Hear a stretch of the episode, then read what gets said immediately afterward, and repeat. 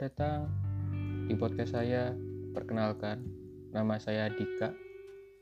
Sebelumnya, eh, pada podcast kali ini saya ingin bercerita tentang awal hidup perjalanan saya secara singkat aja untuk introduction ke depan-depannya.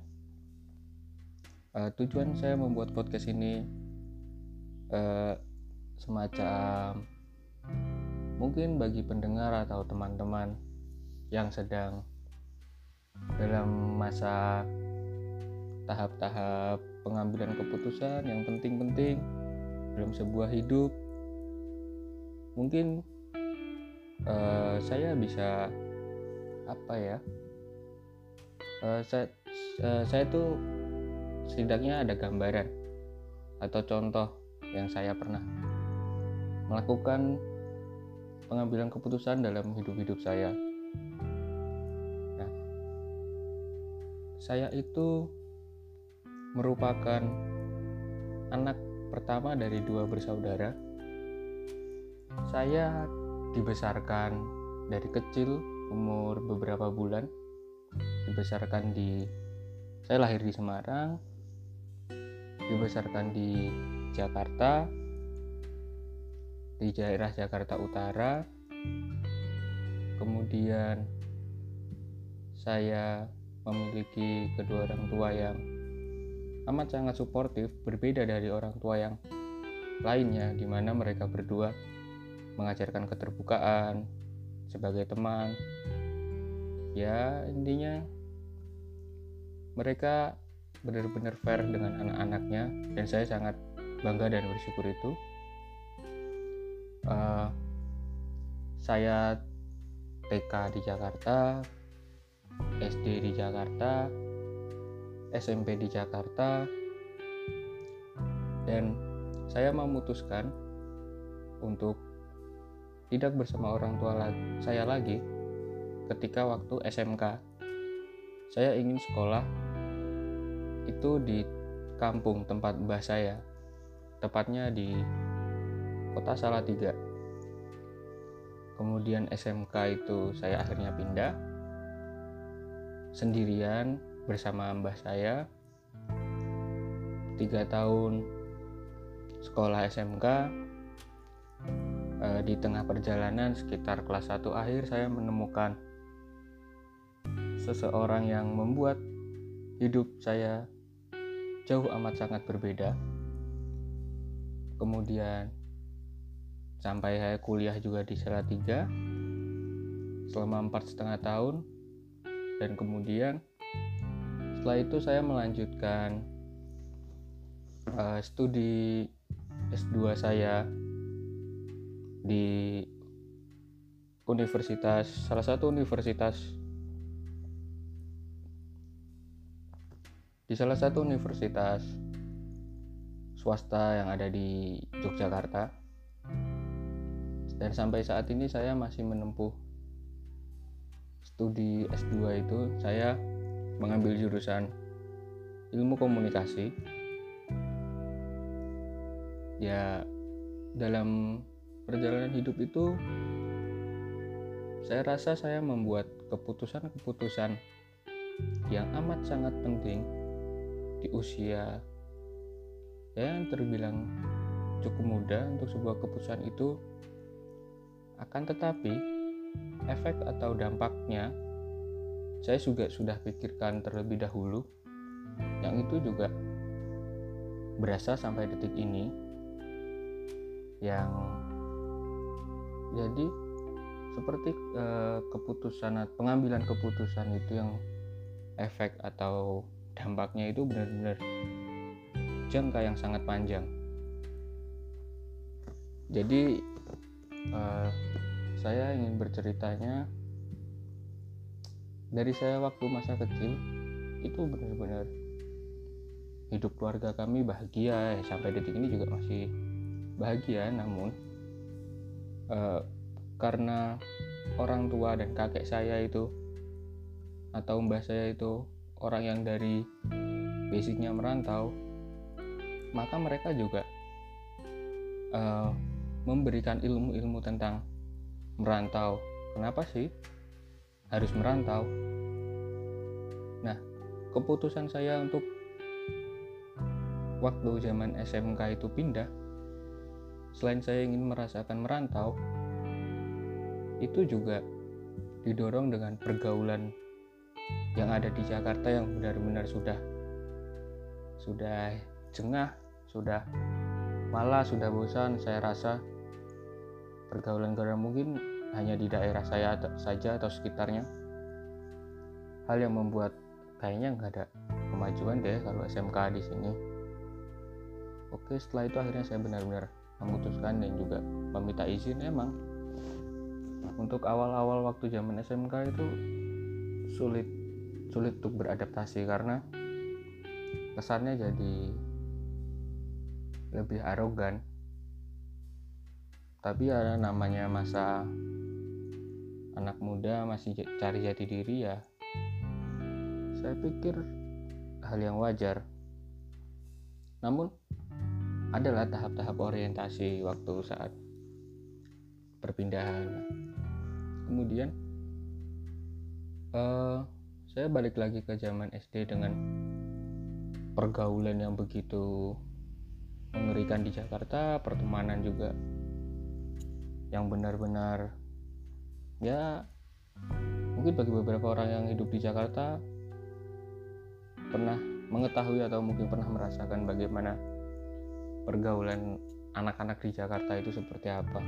Akhirnya saya seperti saya yang cerita tadi memutuskan untuk pindah. Setelah pindah dengan asumsi uh, sekolah di Jawa itu lebih baik lebih mengerti pendidikan uh, apa ya ya pertemanan untuk menunjang pembelajaran akan lebih baik. Kemudian saya bertemu dengan seorang perempuan. Waktu kelas 1 akhir-akhir kelas 1 saya bertemu dengan dia. Untuk podcast kali ini juga hanya gambaran secara umum aja mungkin. Uh, di podcast podcast selanjutnya saya akan mengundang dia atau pacar saya sampai detik ini yang sudah menjalin hubungan dari tahun 2012 sampai 2020 sekitar 8 tahun. Mungkin uh, podcast podcast podcast selanjutnya akan saya undang dia untuk bercerita bagaimana keseruan kami lika-liku dalam menjalani hubungan selama 8 tahun dari SMK sampai detik ini S2 sekarang ini saya bertemu dia dan mengubah hidup saya. Um, mengubah ke arah yang lebih baik. Untuk berjalan sendiri di perantauan benar-benar tidak ada teman bagaimana cari pertemanan bagaimana mengelola keuangan bagaimana mengelola hubungan itu uh, saya dapatkan bagaimana cara berteman dengan anak orang kaya, bagaimana cara berteman dengan orang-orang yang hidupnya di jalanan. Itu juga saya banyak alami dan yang ayah saya selalu bilang, ketika kamu merantau, jangan pernah membawa jati dirimu. Maksudnya, membawa basic keluargamu itu siapa, kenapa, bagaimana? Jangan pernah kamu pakai hal itu untuk perkenalan pertama atau untuk perkenalan dengan orang-orang. Uh, karena tipikal ayah saya itu tidak pernah memberitahu bukan tidak pernah ya tipenya dia itu seperti uh, seperti tadi yang sebelumnya saya ceritakan uh, kalau jangan pernah pakai basic keluargamu itu siapa kenapa? Tapi tidak dijelaskan atau tidak jawaban tidak dijawabin eh tidak dijawaban tapi memberikan jawaban. Karena gini-gini nggak pernah gitu. Tapi saya karena karena saya anak laki-laki saya harus mencari jawabannya sendiri. Nah karena ayah saya itu orangnya juga uh, apa ya fair play lah. Asik untuk diajak bicara. Jika berpendapat atau apa dalam keluarga mereka tidak semena-mena karena mereka orang tua dan tidak mau mendengarkan anak. Untungnya kedua orang tua saya bukan tipikal orang yang seperti itu. Mereka lebih friendly sangat-sangat friendly dengan anak-anak mereka nah. Jadi saya mencari tahu jawabannya itu saya baru menemukan sedikit jawaban kenapa tidak boleh membawa basic atau dasar keluargamu itu siapa bagaimana?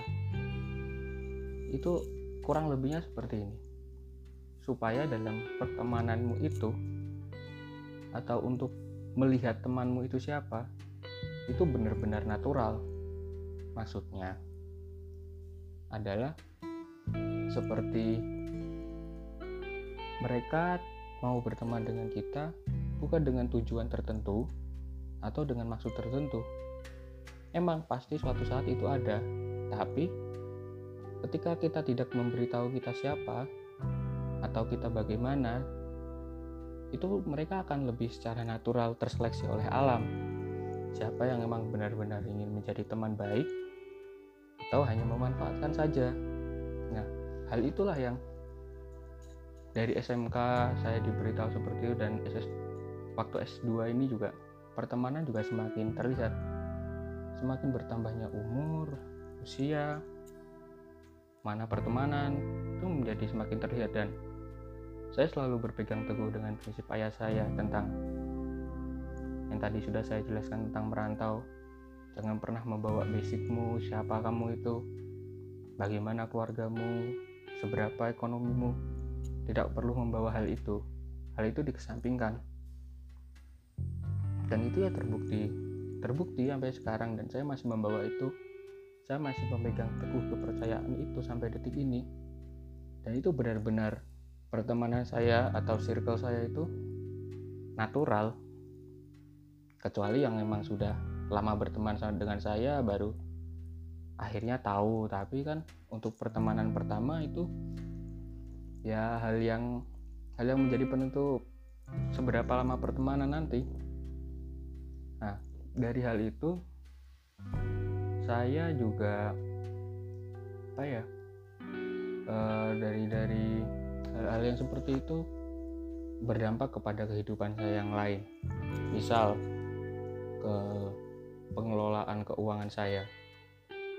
Saya dari dulu tuh udah dari zaman SMK kelas 2 udah udah merantau setahun udah nggak pernah minta uang jajan. Dalam artian saya minta uang untuk jajan gini. Saya nggak pernah untuk meminta akan hal itu kepada orang tua saya.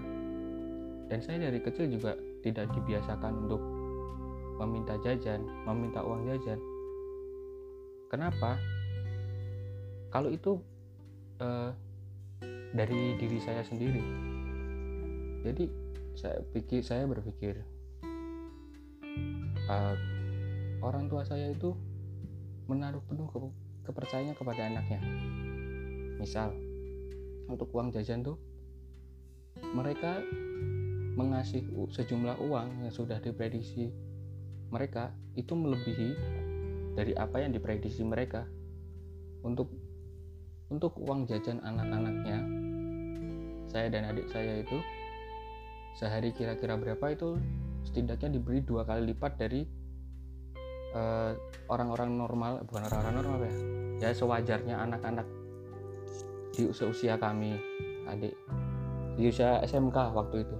Diberi dua kali lipat dengan asumsi uh, jika di jalan ada apa-apa bisa pakai uang itu dan tidak repot.